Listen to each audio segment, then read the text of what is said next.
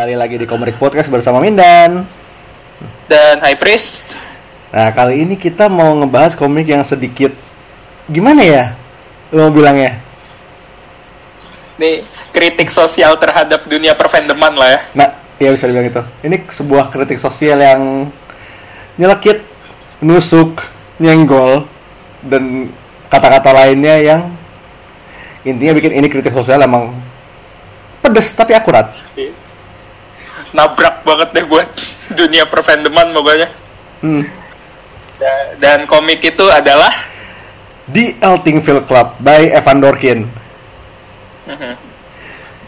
eh ada berapa isu ya kalau Eh, jadi Total- sebenarnya ini Eltingville Club itu dia tuh nggak punya title sendiri. Dia tuh ada dia tuh masuk di kayak antologi-antologi buku Dark Horse. Selipan-selipan Dark Horse. Ya, Tapi selipan-selipan. kalau di total ada Ya sekitar pokoknya cukup buat satu TPB ya, lah. kayaknya satu hardcover ada gitu. Eh, ada di tahun 2014 tuh ada Eltingville Club 1 2 itu dua isu full. Sisanya kayak cuma story-story lepasan di buku-buku lain. Mhm. Nah, terus tahun 2016 itu Dan- dimasukin se satu hardcover. Kayak benar the ultimate Dan Elting, ini- the ultimate Eltingville. Ya dan ini kreatif timnya tuh ya si Evan Dorkin sendiri ya. Dorkin sendiri dia gambar dia nulis Aha. Dia Nah. sengsara juga. sengsara banget. Oke, jadi eh, Eltingville Club ini sebenarnya namanya nama lengkapnya The Eltingville Comic Book Science Fiction Fantasy Horror and Role Playing Club. Jadi itu kayak comic book club lah komunitas. Isinya cuma empat orang. Aduh. Nah, jadi ada ini Hmm? klub super surem. Surem banget. Eh, jadi ada Bill. Bill itu Secretary of Comic Books. Pete, Secretary of Horror. Josh, Secretary of Science Fiction. Jerry, Secretary of Fantasy and Gaming. Ya intinya empat orang dan empat sekretari, empat wakil. Empat wakil ke empat suku gitu ya. Iya. Digabung jadi satu. Sukunya surem banget sih. Nah, ini sebenarnya buat ngasih lu bayangan kenapa Eltingville ini sepedes itu. Asal usul buku ini adalah sa- salah satu kayak eh, alasan utama Dorkin bikin buku ini adalah dulu tahun 94 itu dia temennya dia dia kerja di di DC dan gara-gara dia megang Justice League karena si Ice Ice as in Fire and Ice dimatiin dia baca dia baca baca hate mail ya kan ke writernya It's oh gila. The the hate mails are straight up disgusting, Yep. vulgar, and very threatening. gini deh eh lo nggak harass creator sekarang sosmed gampang lo tinggal ngetik send kelar dulu Iya. lo mesti nulis lo mesti jalan ke kantor pos atau ke mailbox lo lo mesti beli perangko Lo seberapa harassing orang tuh nggak dulu tuh nggak nggak mudah nggak mudah dan lo butuh duit Ini bahkan untuk kebencian pun lu harus mendedikasikan tempat, waktu, energi, dan uang. Buat marah. Nah. Jadi terlahirlah Eltingville ini. Yep. Sebagai kritik sosial dunia perfandoman. pokoknya intinya karena dia kesel dia bikin rebuttal dalam bentuk komik. Dia tukang komik ya? Bikin komik. Dan akhirnya pas dia bikin komik ini juga dia dapat hate mail dia sendiri. well. The cycle. tinggal setan sih emang nah jadi basically Eltingville ini cerita-cerita lepasan kayak insiden-insiden dalam kehidupan per toxic fandoman si empat manusia ini lah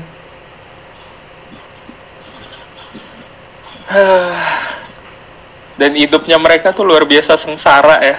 luar biasa sama Ini beneran fandom yang menyatukan, tapi fandom juga yang rusak dari dalam. Parah banget. gini eh kalau lo pernah nonton Simpson lo tahu comic book guy Nah, Comet Bukai ini lo kali 100 dan cloning jadi empat orang.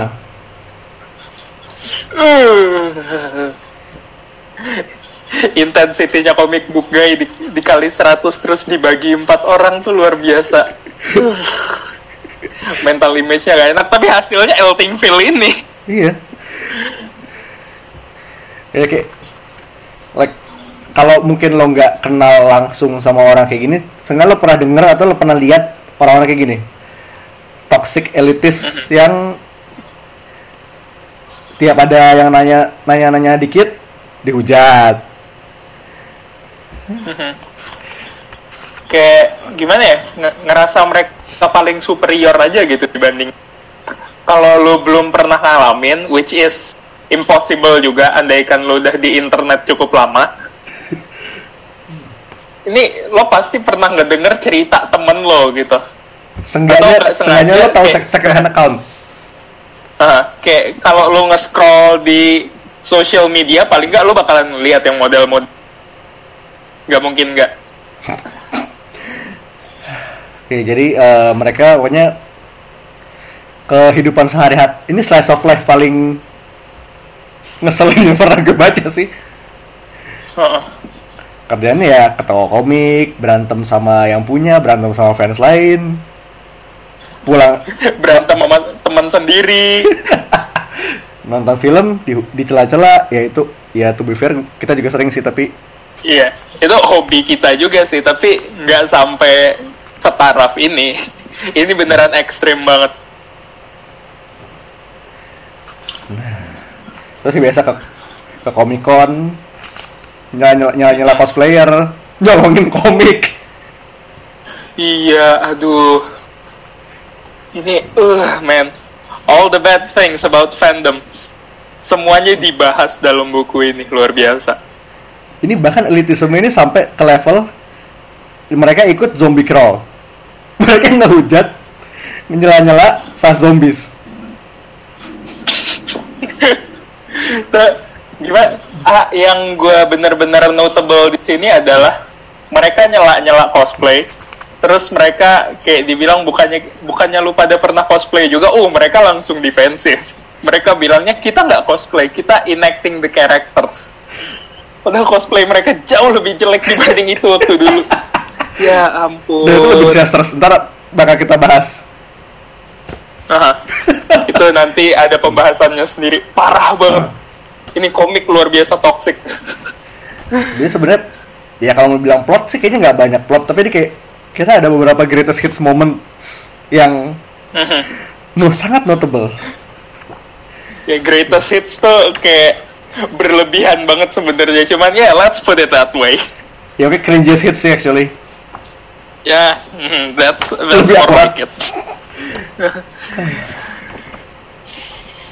Jadi tuh mereka tuh berantem berantem tuh at, at one point gara-gara rebutan figur Boba Fett mereka trivia trivia trivia duel Mhm. kayak bisa sampai berjam-jam gitu cuman buat spitting out trivia doang if that's not crazy I don't know what is ini kayak nih eh, contoh pertanyaan trivianya hmm. First mo oke monster pertama yang dilawan Ultraman. Apa ya gua gua aja baru baca langsung lupa loh tadi. Bamler. Bahkan gue gue nggak inget sama sekali nama Bamler nama dari mana.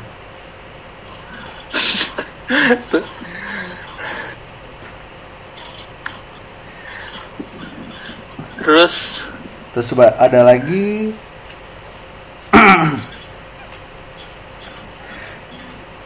Monster misname in Destroy All Monsters. Gurosaurus di, di, di- dipanggil Baragon. Bang, gue gue nonton itu dua kali, gue nggak inget. Tuh, kan? Gini nih gue gue ada beberapa trivia yang habis gue baca tuh kayak oh oke ini informasi baru dan ada beberapa yang gue inget. Tapi kalau lo kasih situasinya kayak mereka lo langsung pinpoint itu pertanyaan ke gue lo tanyain dan gue harus jawab da- dalam 30 detik. Gue nggak akan bisa. Dan orang-orang ini bisa. Lo bayangin seberapa ta- dalam tanda kutip dedikasi mereka ke fandom. Lo don't bisa, know, gue nggak tahu ini admirable apa enggak, tapi ini mengerikan yang jelas. iya. Ini gini, lo 30 detik bisa ngejawab pertanyaan orang, pertanyaan lawan lo dan lo harus ngasih pertanyaan dia balik yang equally obscure. Mm-mm. Tapi kalau gue lihat ada battle kayak gini di depan di misalnya saya gue di ICC lagi jalan, tiba-tiba orang teriak-teriak battle kayak gini, gue bakal non gue nggak gue nggak tahu bakal nonton atau bakal tak- lari takut.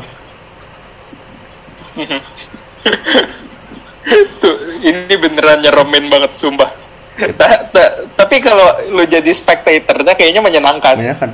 Yes. So, Ya, kalau ada tujuan mereka toxic. iya. kalau sampai ada gini kayak bakal gue install live di komrik sih. Komrik nggak akan sampai segininya ya, tapi nggak akan ada trivia of antara admin.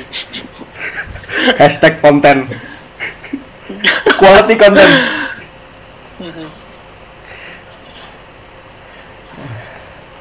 Eh, terus nih ada lagi mereka itu nonton Twilight Zone ngemaraton 36 jam. Tuh, sakit jiwa emang. Ini nonton 3 episode aja tuh udah begah tau nggak? gue waktu dulu sempat ada zaman di mana gue lagi tergila-gila banget sama Twilight Zone sama adik gue. Gue nonton tuh paling mentok sehari 5 episode. Itu pun mata udah capek banget. Ini 36 jam straight back to back. God damn. Coba lihat sih satu episode berapa sih dua satu story tuh kira-kira setengah jam. Eh, s- setengah jam, hmm, setengah jam 22 kalau gue nggak salah ya. ya tipikal format TV lah 22 se dua- Aha. berarti lu kali 2 72 episode Twilight Zone straight Bukannya Twilight Zone tuh 150-an ya? 150 something? 156. Iya tapi ini eh, kan TV bloknya sih 36 jam Aha, cuma 36 jam doang sih. still Gila. 72 episode Twilight Zone Uh, imagine how tiring that must be. ini tuh kayak dia udah mas mereka tuh udah masuk di atas 24 jam ini bener-bener sama lihatnya panelnya tuh pecah Panelnya Dan pecah yang lebih dan si Josh udah ada ter, udah numbuh third eye.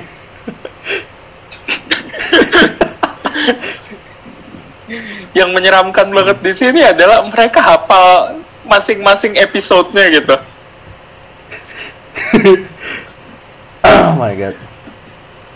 Hafalnya tuh sampai yang bener-bener poin di mana nggak nggak mungkin ini episode yang inilah. Soalnya intronya beda dari episode yang itu gila sampai ngapalin intro Terus kayak ini bener-bener kayak udah saking gila, saking gilanya, TV-nya mati. Mereka tuh kayak beran, kayak udah gebuk-gebukan. Terus si Josh nyengkek si Jerry. Dia teriak, I'm gonna wish you in the fucking cornfield. Serem banget. Ini tuh eh, mereka tebak-tebakan episode karena itu ya taruhan apa sih kupon kan ya apa voucher Taruhan, taruhan kupon kayaknya. ya taruhan kupon buat beli action figure ya. Yep. gila that sounds fun on paper but when you see them doing it oh boy Ya tapi kan kayak ini tiba-tiba jadi si Josh ini sempat gubek-gubek satu rak roti cuma buat nyari kartu Ba- Batman Forever.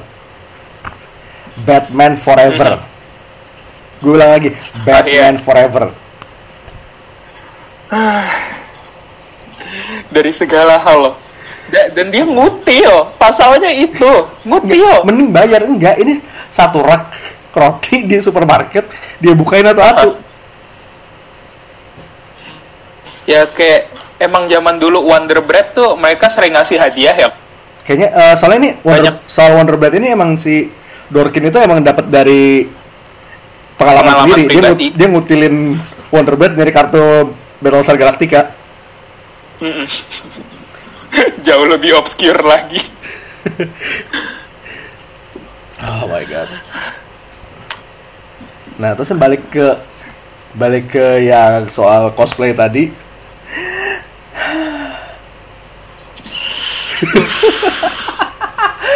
Gue gue gue beneran udah lelah banget loh. Baru nyampe sini. Ini kita baru ada 10 Ayo, menit. Eh, yang cosplay ini jadi mereka tuh mau masuk kostum kontesnya wizard. Oh my god, I miss wizard. Wizard loh. Wizard. udah sekian lah. Udah sekian lama ya itu nama nggak nongol. Gila tua banget. Ini revival juga nggak tahu, nggak nongol-nongol lagi. Iya, be- belum ada berita lagi ya. Belum. Revival Wizard. Nah, jadi mereka itu bikin kostum. Nah, eh, what's name? Pete bikin combo spawn. Jadi niatnya tuh mau bikin spawn, tapi dia nggak tahu bikin apa. Dia katanya dia bikin improv. Dan akhirnya tuh kayak bukan kayak spawn ini jadi kayak Toxic Avenger pakai pedang gini loh. Ah, iya kayak musuh Power Ranger persis.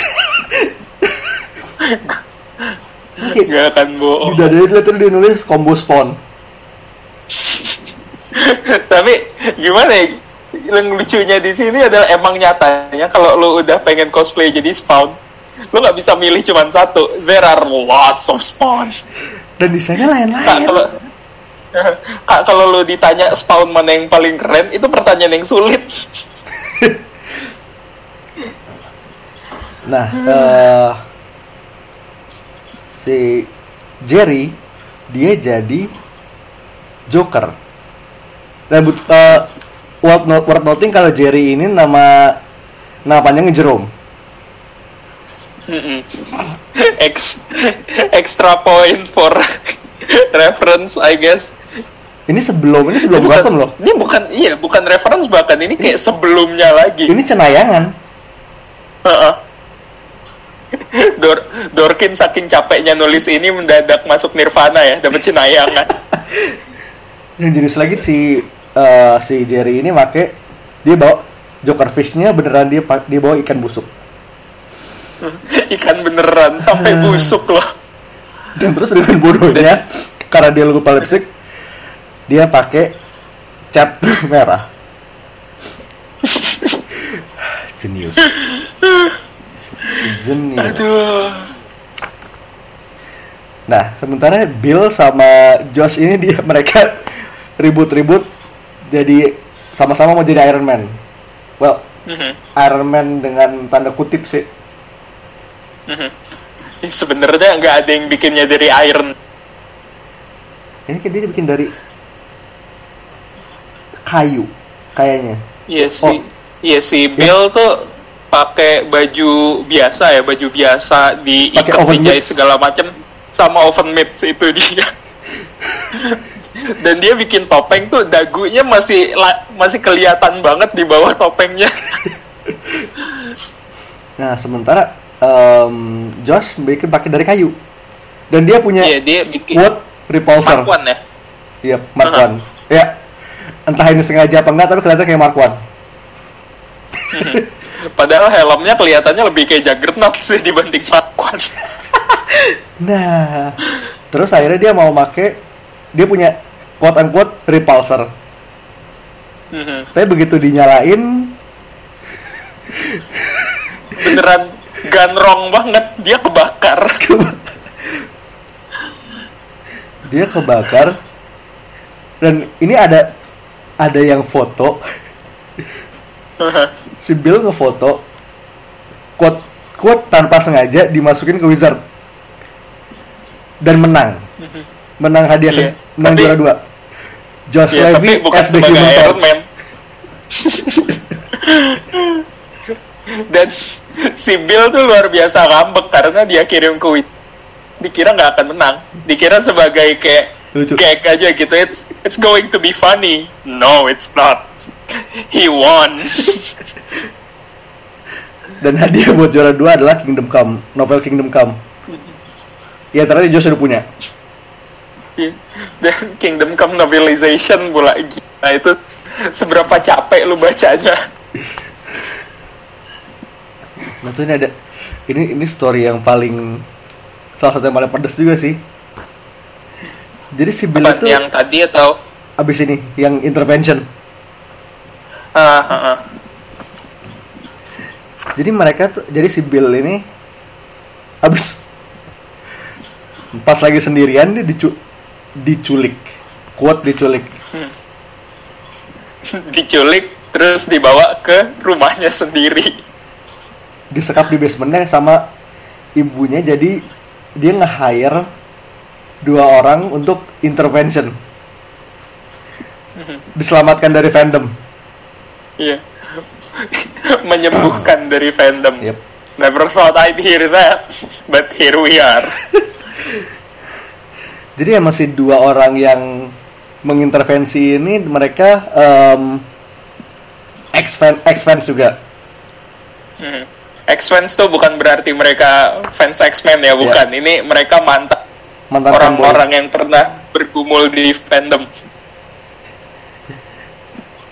pokoknya satu kayak existential crisis gara-gara tiba-tiba dia koleksinya berantakan dan dia mendadak insaf satu lagi insaf gara-gara ada cewek yang ngetawain koleksi Star Trek-nya dia Iya. Tuh, itu sebenarnya kayak satu gag yang bikin gua ngakak banget sih. Yang katanya ya itu cewek gua ajak ngobrol, terus begitu gua bawa ke kamar, dia ngetawain ukuran koleksi Star Trek. Tuh gua ngakak banget. She laughed at my eh, at the size of my Star Trek collection. Terus dia langsung depresi habis itu. dan jadi intervensi metode intervensi adalah si Bill ini diikat di diikat di basementnya sendiri di tempat koleksinya. Terus di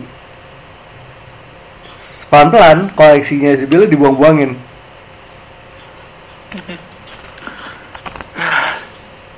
Tuh sebenarnya torture banget sih Iya. emang cuman jujurnya torture. Ada twistnya di sini adalah nah gini pokoknya pelan-pelan masih mereka benar-benar dibuang buang buang. Terus di, di some, at some point kayak di hari kedua di, di bahkan di temboknya tuh ada tulis tulisin you can't beg and board friends. Collect experience not objects. Life has more more than four colors.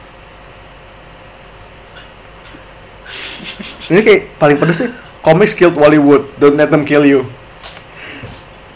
pedes banget. Kalau lo nggak tahu apa yang terjadi di Hollywood di, di Google. Lo bisa Google. Karena itu heartbreaking banget. It's uh, one of one of the greatest tragedies sih ya. depressing banget sih. Way, way too soon. nah terus ini balik ke dan tuh kayak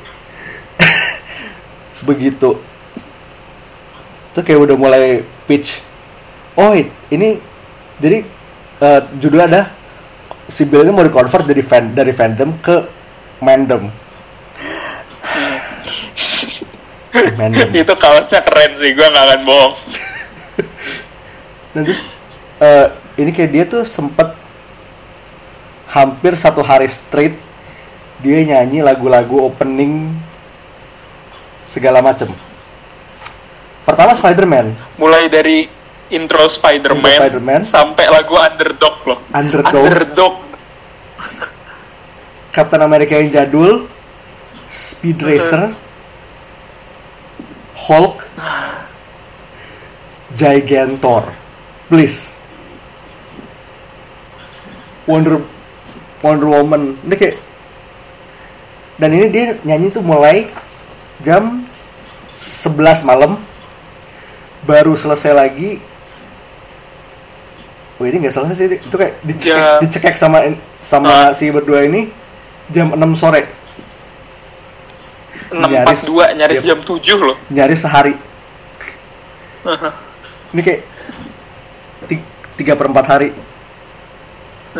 Dan si yang nge-intervene Billy ini mulai dari optimis sampai capek banget. Sampai akhirnya nggak sengaja keselip quotes quotes fandom. Dan pas keselip ini mereka berantem. Heeh. mereka berantem dan ujung-ujungnya mereka ke ketarik lagi ke jurang fandom. Karena determinationnya si Billy ini. That's That's Gimana ya? depressing juga sih. Uh, it's ah it is depressing. I can't find better words. Of that depressing.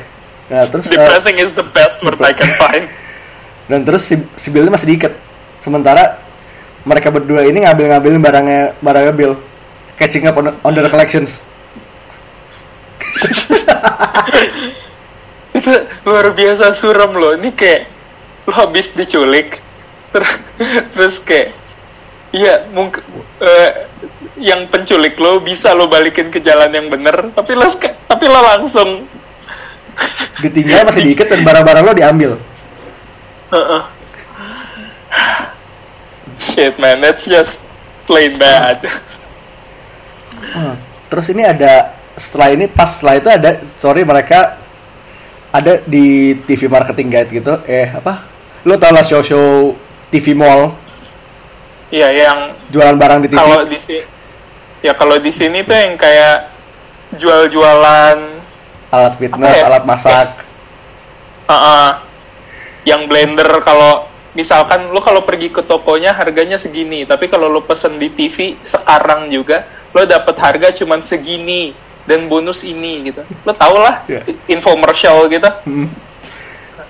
nah di sini kebetulan lagi jualan barang-barang fandom. ini panel pertama sih gue agak bikin gatal sih karena Stanley sign Spider-Man komik nggak pakai hyphen.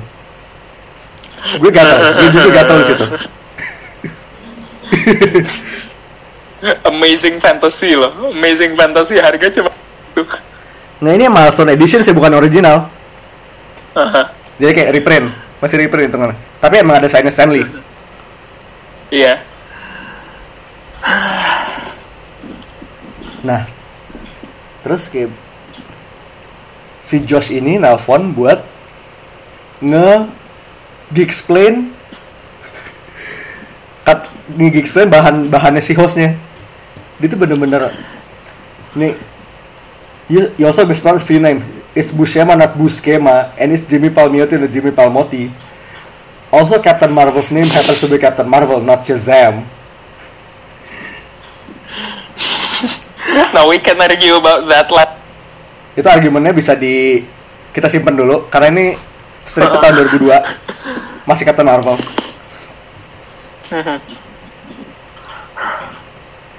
nah terus eh terus pas bener pas ada replikanya Candor ini bener-bener dihabisin.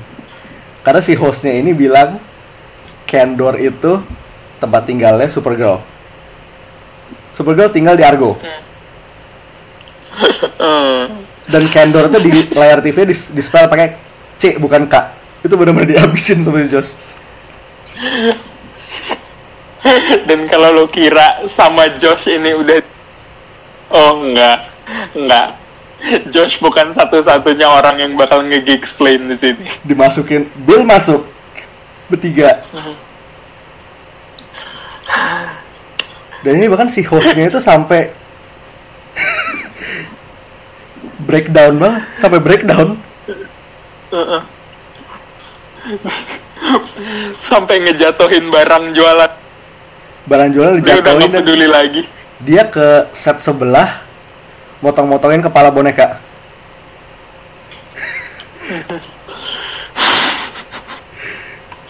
Man these fucking guys. And the thing is, what makes this thing even scarier is that It might happen to any of us.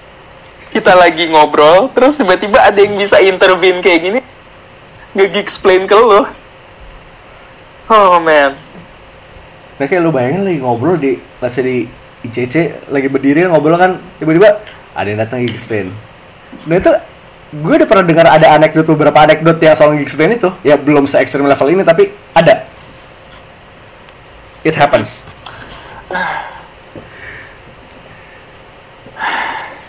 dan percayalah sama gue gue I've had my fair share of ngedengerin anak-anak ngobrolin fandom dan banyak banget keluar hal-hal yang salah. Tapi gue bisa nahan urge gue buat explain Yep. trust me. Self control itu I've had my saudara-saudara fair share. I've had my fair share of fandom dickery and no I will never go as far as explaining Terus ini ada story lagi, Bill ini kerja di toko komiknya Joe. Dan ini, oh lo pikir cuma fans yang kena? Enggak. Ini shady business practices toko komik juga kena.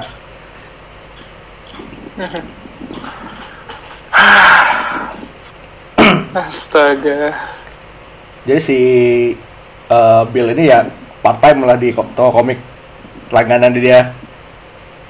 Itu kayak bener di torture juga sama si yang punya. Men lu disuruh Aha. nge-back and board komik seberapa kayak sekian banyak tumpukan. gila Satu, Sebenarnya- satu aja udah mag. Kayak gue ya yang komik baru masuk. Rasanya gue gue baru beli komik dari mana tuh dari Blok M Square biasa masih masih ketengan kan. Ada back and Heeh. board di rumah gue beli beli 10 biji. Itu aja udah, udah males. Jadi kayak lo bayangin satu tumpukan or- gede. orang-orang yang kerja gitu lo bayangin orang-orang yang kerjaannya nge-back and board kayak ginian sehari masuk berapa coba god damn Terus kayak ada si Bill ini sempat nanya, ini ini kenapa sih komik lama itu komik lama nggak kejual, tiba-tiba harganya naik. Itu tuh kayak lo di tok, lo di supermarket roti lama tapi dijual sepuluh ribu lebih mahal, nggak make sense kan? Nah, terus langsung dijelasin di sini. Jelasin Men- kalau kata si Joe ini komik ini kayak komik yang nggak kejual itu kayak tiket lotre yang belum yang belum ke kebuka. Dan itu kayak dia ada satu ruangan di belakang tuh isinya komik tuh bener-bener numpuk berbox-box ditumpuk gitu loh. satu ruangan sendiri. Dan terus ini ada eh terus min- meanwhile si hari berjalan si Bill nemu eh, stok buku buku-buku yang udah desain tapi Hmm. ini. Ini jelasin dia, dah. dia nggak Grant Morrison ini kan gak salah nih ini kenapa di sini R-nya satu S-nya dua? Masa iya di salah nulis nama sendiri ya kan? Terus eksplanasi Joe adalah oh paling dia lagi giting. Dia sambil sambil ng- ngangkat sharpie. I swear to God man. Swear to God. Terus kayak ada lagi eh, orang masuk mau order King City ya komik indie kan image punya. Terus kayak dia, dia bilang kayak di sini lo doang yang minta itu gue nggak ada. Terus kayak udah si orang kayak benar-benar diusir itu. Like you know what alternative comics are alternative to? Making money dan semua orang ketawa ah man fandom is bad Oke, satu ada satu ada cewek nih masuk nyari TVB Saga. Ini kebetulan lagi ramai nih tokonya nih. Ini creeper move banget sih. Semuanya difotoin, semuanya ngefotoin. Dan cewek langsung keluar. Langsung lari. karena fangirl dianggap cryptid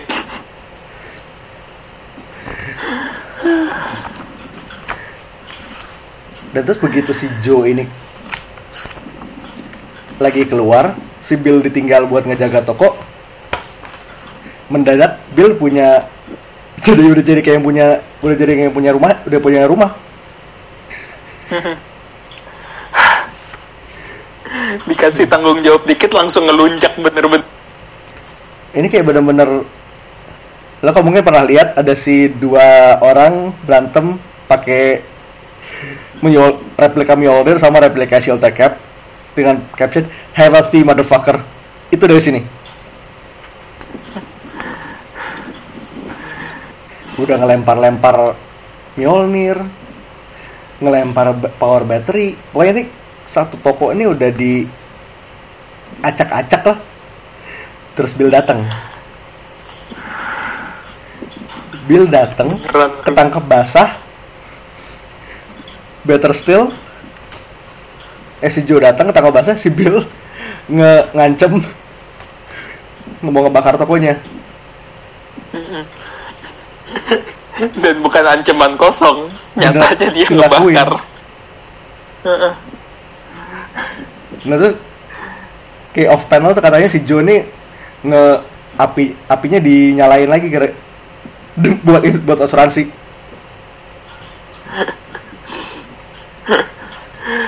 Gila langsung frauding. Ya, tapi kayak eh shady business practice ini kayak gue nggak ngomong di luar.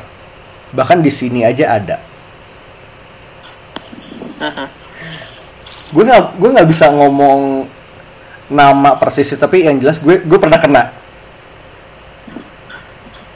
Dan duit gue masih entah di mana tapi kayak yang jelas itu kayak toko komik yang itu kayaknya nggak akan buka lagi ya.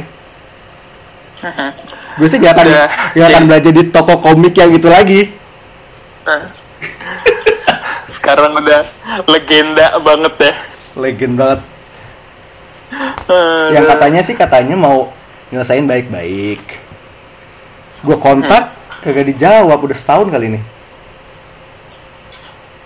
Udah ulang tahun ya. Ter- terakhir gue tunggu gue harus cek kontak gue dulu Coba deh. Ini soalnya gue gue nggak tahu nih. Gue gue Eh,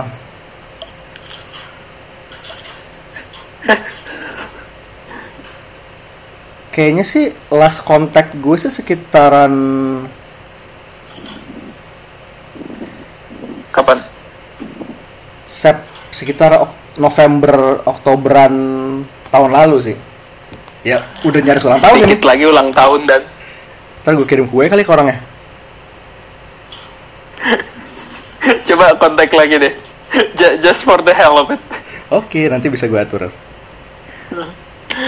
Nah, intinya shady business practice exist. Nggak di luar, lo bisa kena di sini. Hati-hati. This has been a PSA. cuman Ini PSA. Dan bukan cuman di dunia perfandoman waspada aja kalian. Waspada, sumpah. Dunia toys juga ya. Hah? Dunia toys juga dengar Apa? lagi ada. Uh, dunia toys sebet. Tapi ada satu yang sem- Ada satu oknumnya apa, sorry? Ada satu oknumnya apa? Sorry. yang cukup lekat kasusnya di hati kita. Orangnya sih ya Oh, em, yang udah gue internasional itu. iya. itu pembahasan untuk lain waktu ya, nggak enak diumbar di sini. Nggak, ini ini ini podcast bukan dirt shit kok. Iya. Nih bukan spot gibah lain kali aja ini. Nah, intinya adalah eh, dari kebakaran toko ini si Jer- Jerry dihukum sama orang tuanya nggak boleh ketemu sama mereka lagi. This is the end of the Elting Film Club. Terus kayak, tapi abis di halaman abis itu kayak ada flashback ke saat pertama mereka bikin klub ya. Ini kayak Masih kelihatan pure banget semuanya. pure banget. Bahkan si Bill ini bilang, Come on guys, do you want to ar- argue about stupid crap or do you want to have fun? I mean, isn't this supposed to be about having fun? Ngena loh. Dia dia yang ngomong padahal dia yang paling toxic sekarang.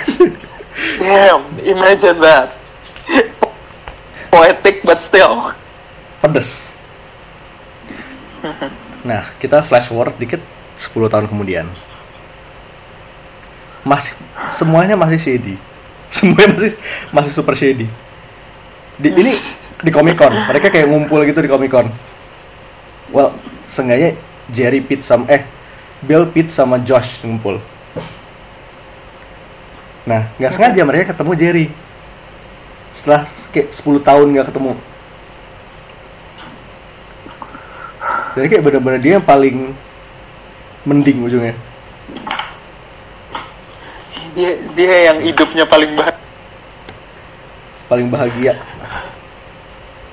Bisa balancing out kehidupan perfandoman dan Kayak kehidupan sosial gitu dia sementara Bill jadi quote eh, dealer komik langka. Si Pete dia gara-gara berantem sama adu mulut sama produser dia masuk jadi eh kru film bokep. Horror porn horror porn. Kayak ya typical B movies lah ya. Iya Po- Oke. porn slasher gitu dan ini actually kayak porn parody horror karena kayak Aha. Last whorehouse on the left. Penthouse Pet Cemetery. I know who you did last summer. An American werewolf in your ass. and it is a real thing trust us it is Ini judulnya bagus-bagus loh. Ini, ini judulnya bagus-bagus Ini favorit gue. I spurt on your grave. Itu keren, gue suka. twisted banget cuman lucu Ya intinya dia jadi eh kru porn. Josh sementara dia mau dia mau dia ngambil writing classes di universitas dan terus di bener-bener di- dikasih balik sama dosennya Iya. Mr. Levy dihabisin loh sama dosennya This is an introduction to writing course, not not to superhero fan fiction. Then, ironically, oh, and might I add, I believe Spider-Man is hyphenated. dia yang ngurus-ngurusin perfandoman hyphennya god damn Kena. pedes Terus kayak dia bilang, I'll just do what everyone else ca- who can break in does and start a website about comics.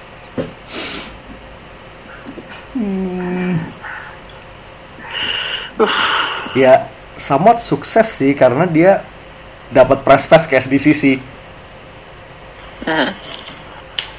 that, Ya, that tuh. is something Iya. to be honest dan dia eh, di forum-forum dia sering berantem sama user namanya Grido 318 inget ini Hmm. itu dia akan balik lagi ini yang bakalan kita ungkit balik lagi Grido Triwan Nah, in- terus intinya dia dia lagi aiming buat jadi editor di DC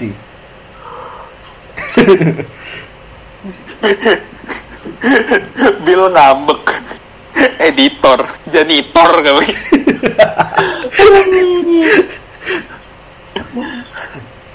Terus kayak si Josh ini kayak it's comics you wing it. Learn as you go. Look there's really only look kalau mau kerja di komik cuma ada dua kebutuhan. Satu lo harus baca banyak komik. Gue udah baca banyak komik. Dua lo harus punya koleksi gue punya koleksi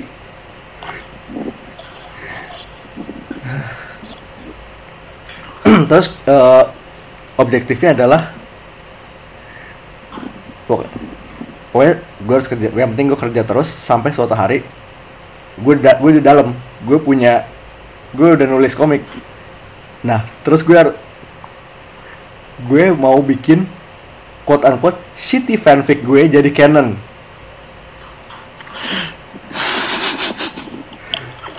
Ah, ternyata kayak master plan-nya Gimana? gitu. Gimana ya? Like I would have done the same thing to be honest. But I wouldn't go that far kayaknya gue paling banter bakal ngeretcon hal yang gue nggak suka doang. Ini shitty fanfic lo mau dijadiin canon that Ah. Sementara Bill yang jadi yang jadi art yang jadi dealer itu sebenarnya kerjaannya bacain komik koleksian sama dia nge terus sampai sampai sampai emaknya bilang tuh Bill lu telepon ada ada ada yang teriak-teriak nyari nyariin komik Hulk.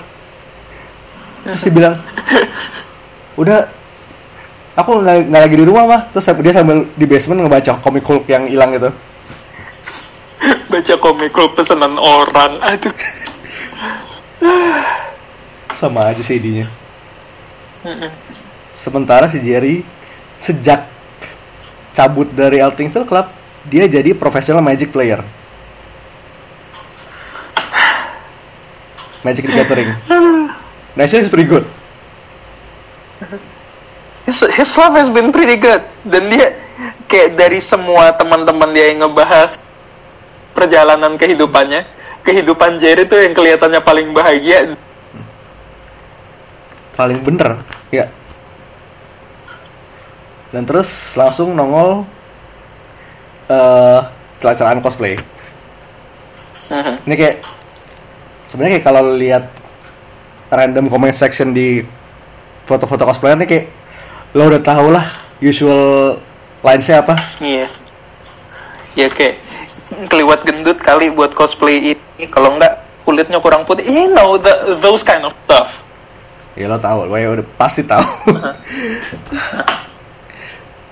terus ada satu eh eh, satu cosplay satu cewek cosplay Ghostbuster yang di ya bukan jasa sih kayak mereka thirsting si bertiga ini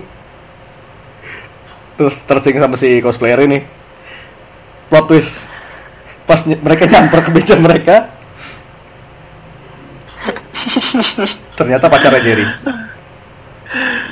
Aduh ini dalam satu buku ini ini twist favorit gue dan yang bikin ini makin gold adalah komentar mereka semua tuh luar biasa eksplisit. Tuh beneran komentar yang pertama tuh holy crap look at the proton packs on the ghostbusters over there. Tell me you wouldn't cross the streams to get to that ass. man busting that would definitely make me feel good.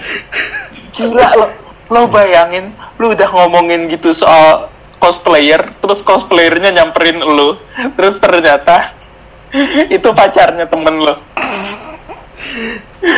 holy shit Nggak, tapi sama begitu si Mandy ini si pacara si dia datang, topiknya bisa disetir ke ya quote unquote good times mereka. Ini kayak miracle banget. Ya, sedikit lebih civil. Tapi kayak begitu. Oke, lo masih ingat si Boba Fett yang tadi yang berebutan Boba Fett sambil trivia kontes itu? Bill Hmm. bawa kepalanya. Dan Josh langsung langsung ke trigger. Berantem lagi. demented banget gak sih sebenarnya lo nenteng ke uh, Buffett ke mana trofi lo mengingatkan lo hari-hari kelam fandom days lo damn Si Mandy tuh langsung bilang, So like, were you guys even actually friends?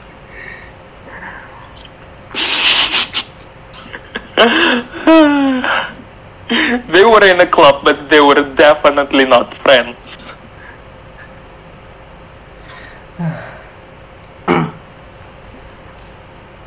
Aduh. Terus si Terus kayak si Bill ini gara-gara kesel Jerry bawa bawa pacar. Si Jerry tuh dia dia ngungkit kayak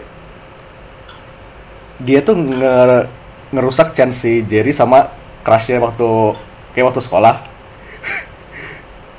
Dan si Jerry langsung ke trigger. Dia langsung digebukin. Sementara si Jerry buka kartu lagi. Ternyata lo inget Grido 318?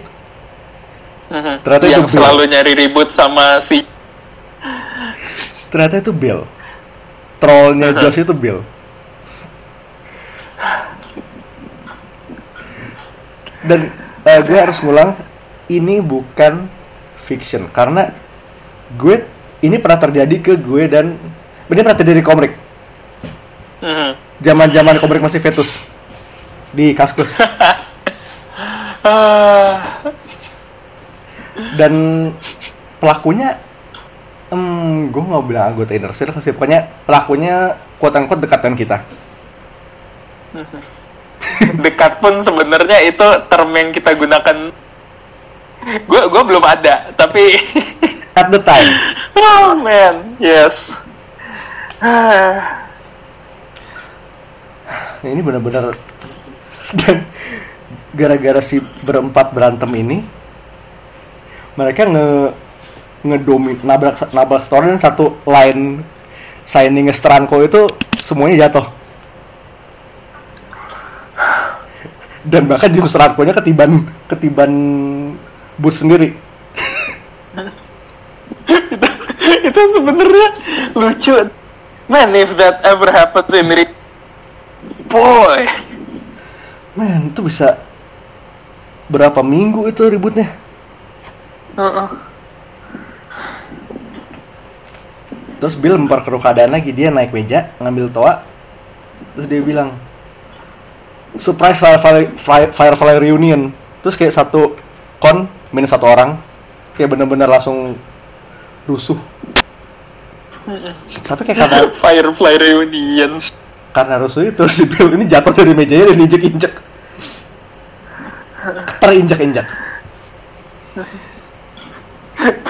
kayak injek-injek sama cosplayer pula lo bayangin.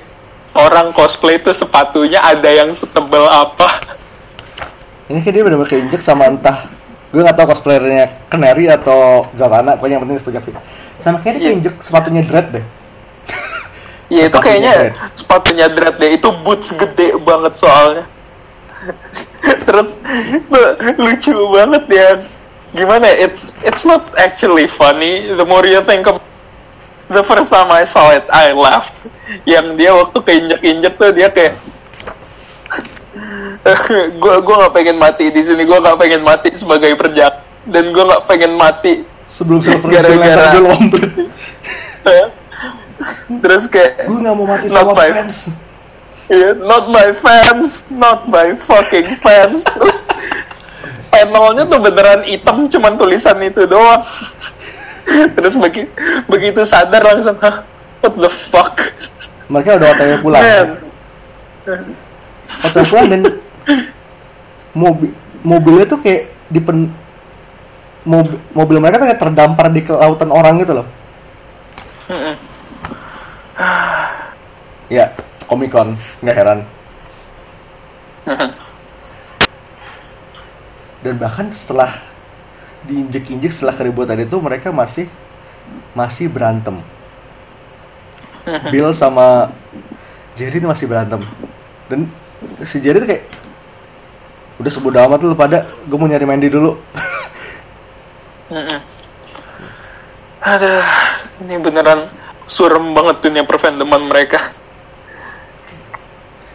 oh terus eh, lo cuma mikir ini cuma buat mainstream comics? Oh enggak jadi ada satu extra chapter ini The Northwest Comics Comics Collective ini kayak buat nge nyenggol alternative comics Ini kayak elitist among elitist. Yep. Yang kayak buat mereka image itu masih syutir. Ini kayak ini kayak kalau ngebaca itunya ya, yang penjelasannya si Dorkin di halaman komik Northwestnya, yang ini tuh grup orang-orang yang maksa banget nyebut Tintin sebagai Tauntaun. terus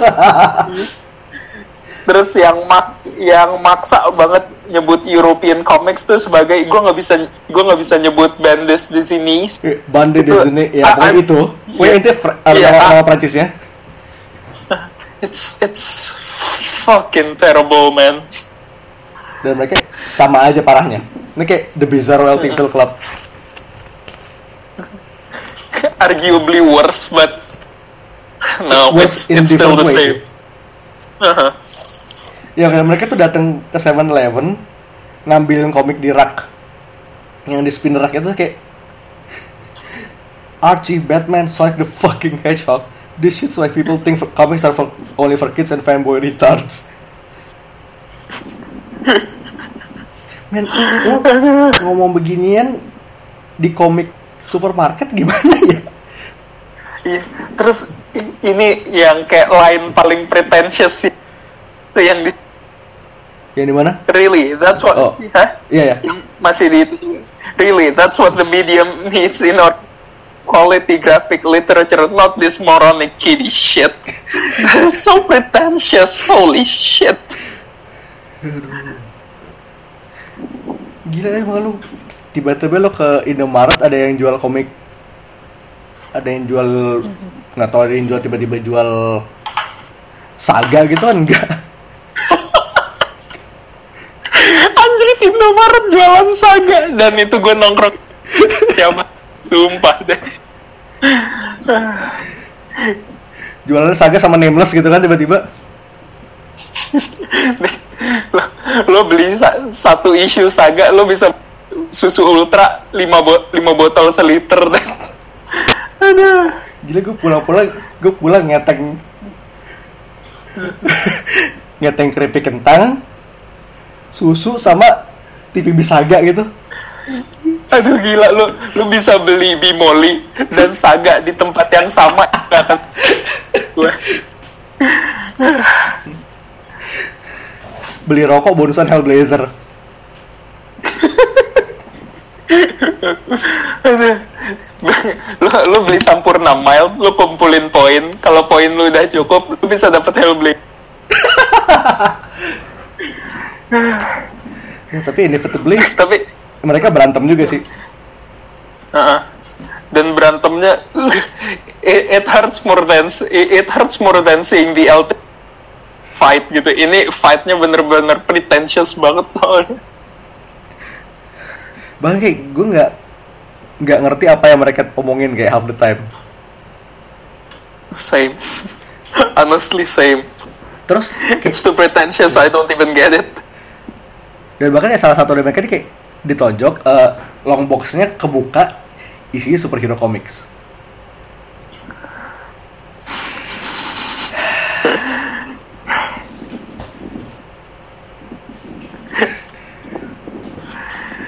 Tapi ujung-ujungnya mereka mi mereka mikir keempat empatnya mikir gue punya ide bagus. Berantem kita tadi bisa gue jadiin komik autobiografi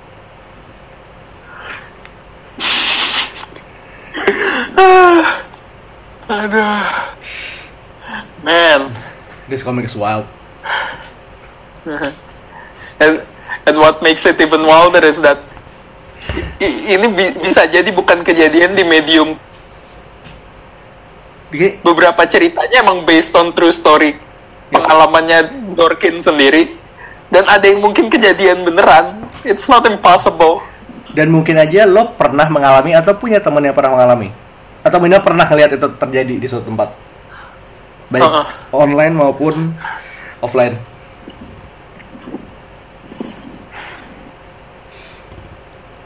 Gini loh kayak ini ya gue bisa bilang gue sering banget ketawa baca ini. Tapi begitu lo kelar bacanya lo kayak anjing kena- kenapa? Ini kayak depressing juga.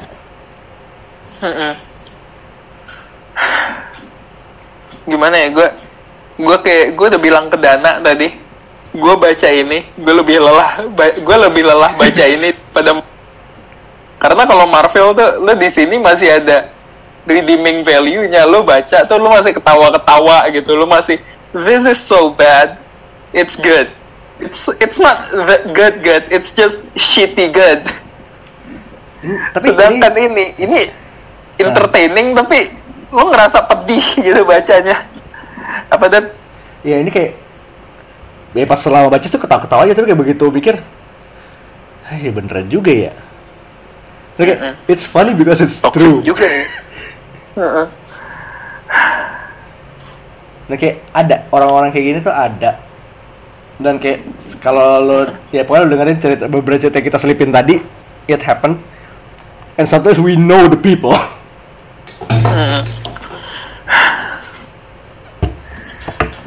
Oh man. This fucking comic. Ya mungkin nggak sele nggak selevel ekstrim ini sih. Tapi mungkin ada juga yang bisa selevel ekstrim ini. Atau mungkin lebih. Kayak God forbid lebih. Aha. Like it happens kayak ya elitism itu ada di mana-mana bukan cuma komik. Kayak fandom pokoknya sebuah semua fandom kayak di mana ada orang suka sesuatu di situ pasti ada elitisnya. Pasti banget. Kayak s- gimana ya bahkan ketika lo having fun lo harus tahu bahwa bakalan ada orang yang mempertanyakan lo beneran having fun gak sih? Karena gue ngerasa lo sebenarnya nggak tahu-tahu banget apa yang eh, tentang apa apa yang lo omongin gitu kan? Dan kayak tragisnya lagi ini kayak mereka tuh kadang-kadang tuh kayak build di awal pembentukan klub ini. Do you wanna argue about stupid crap or do you wanna have fun? Tapi kenyataannya adalah selama seiring waktu berjalan lo akan jadi tipe-tipe yang akan arguing about stupid crap.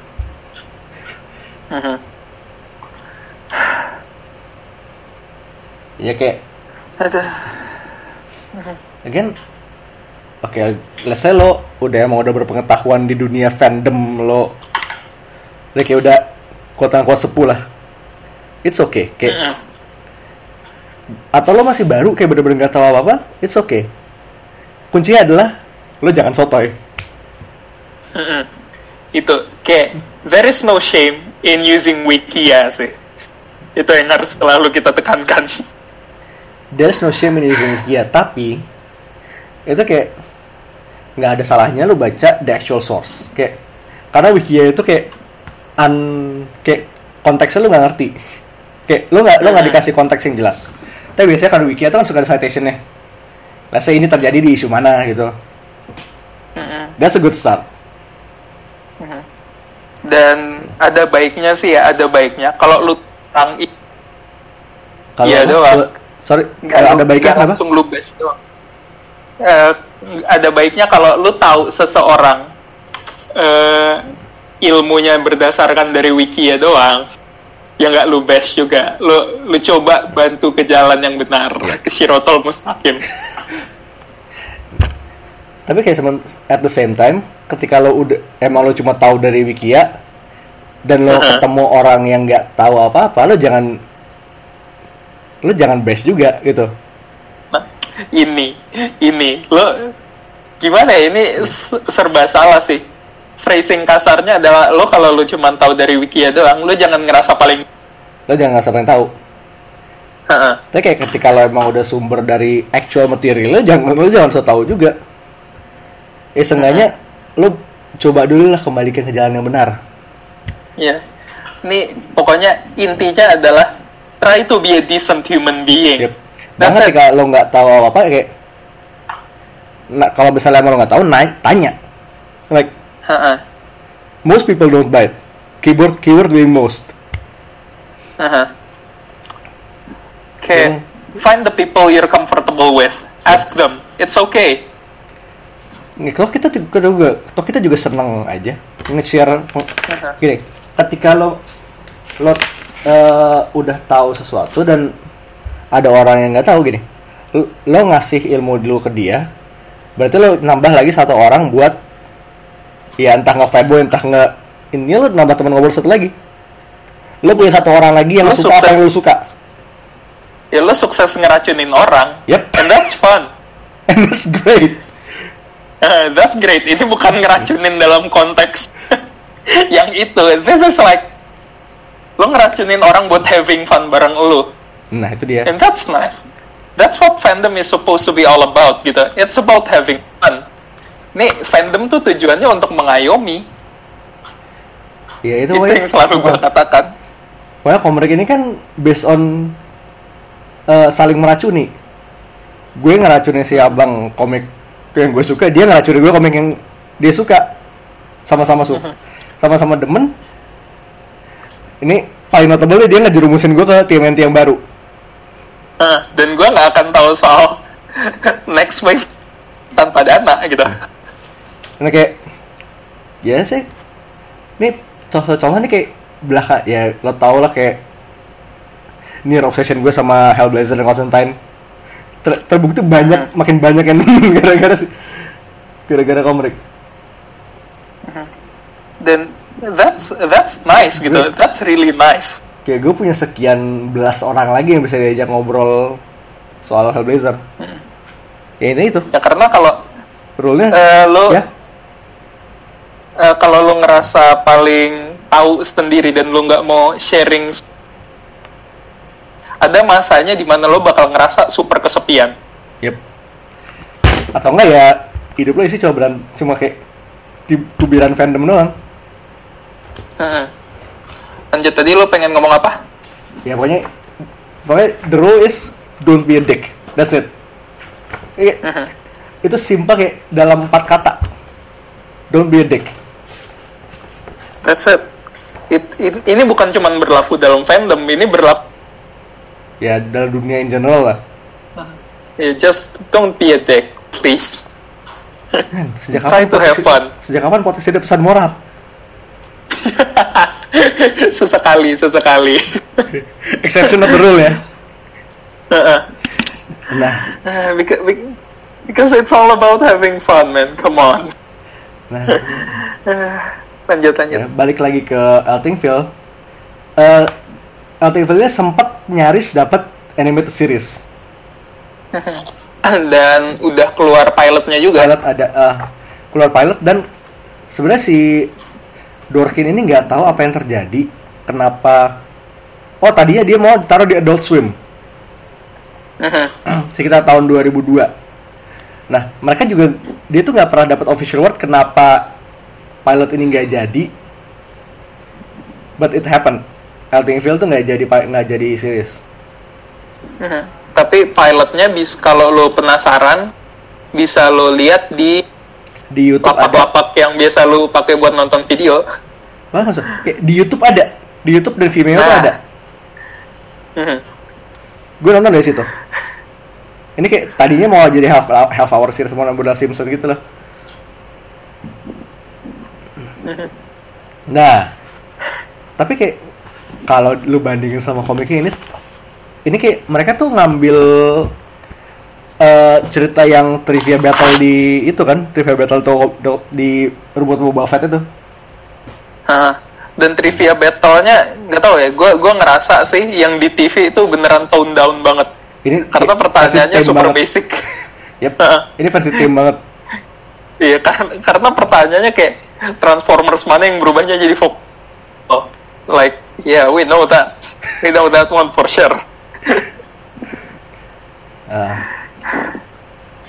Intinya kayak PG-13 Altingville lah. Nah kayak di satu sisi kalau misalnya emang ad- ada seriesnya bener sih menarik. Tapi kayak kalau lu baca komiknya, oh boy, buckle up. Nih.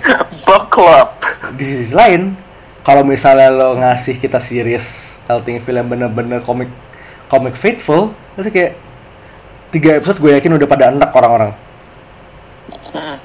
nih beneran tiga episode tuh udah gimana ya bakalan jauh lebih depressing dibanding bu not gonna lie Ya, ini aja nih gue baca satu hardcover itu kayak 130-an halaman tuh mesti kayak dua hari. Kayak gue setengah setengah setengah lah. Karena kalau lu main line terus satu kali duduk itu kayak begah, benar begah. Lu begah sama Dan ini- kelakuan tingkah pola fandom yang aneh. dan ini tuh beneran bukunya tebel banget isinya kalimat-kalimat not gonna lie there are lots of words here Ya gitu. Eh, terus nih dari afterwordnya Sidorkin ini ya pokoknya dia eh, ngomong Eltingville tuh base dari datang dari tempat amarah di inspirasi dari eh, beberapa ada yang diambil dari experience real life nah eh, begitu dia selesai begitu dia selesai Eltingville ini pokoknya hardcover yang 2016 ini dia udah the final LTV story. Pokoknya semua LTV ada di sini. dan dia tuh dia lega dia lega udah kelarin ini Lu bayangin, kreatornya aja sampai secapek itu. Dia udah tangan dia beneran lega. Nih, these days, pokoknya sekarang ini LTV tuh makin lama bukan exaggeration lagi. Ini lebih kayak realita. Tiap hari gue ngeliat internet tuh isinya bahan buat LTV. It's overwhelming and more than a little depressing. It's not that funny anymore. Aduh, god damn. That's just depressing.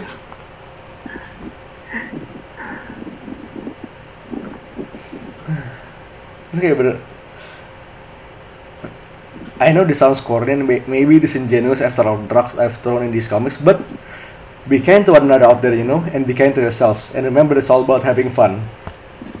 Itu tutup, afterwordnya dia. Have fun. That's it. It's all about having fun. Itu yang paling penting.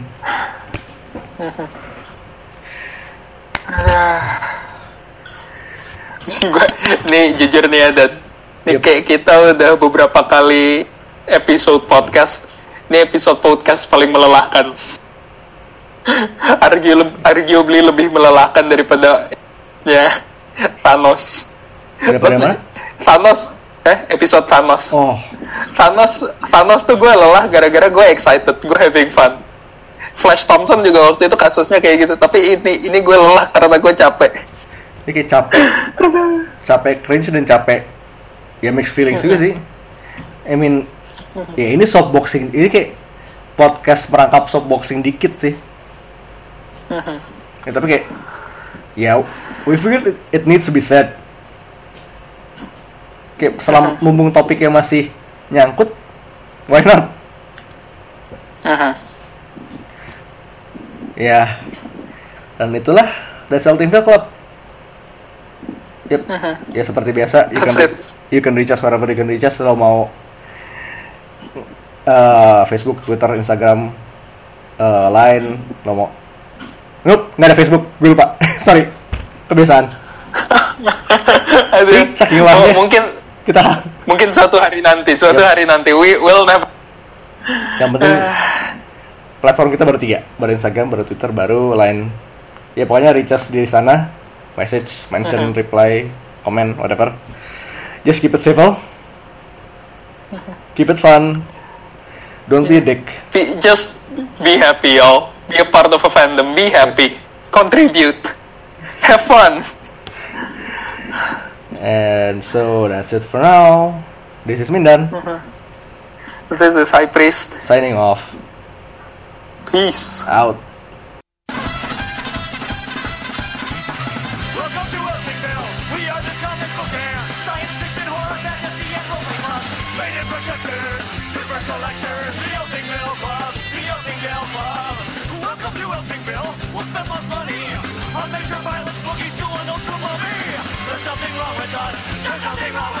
Movies, toys, cards, games, sponsors, Elkingville Club.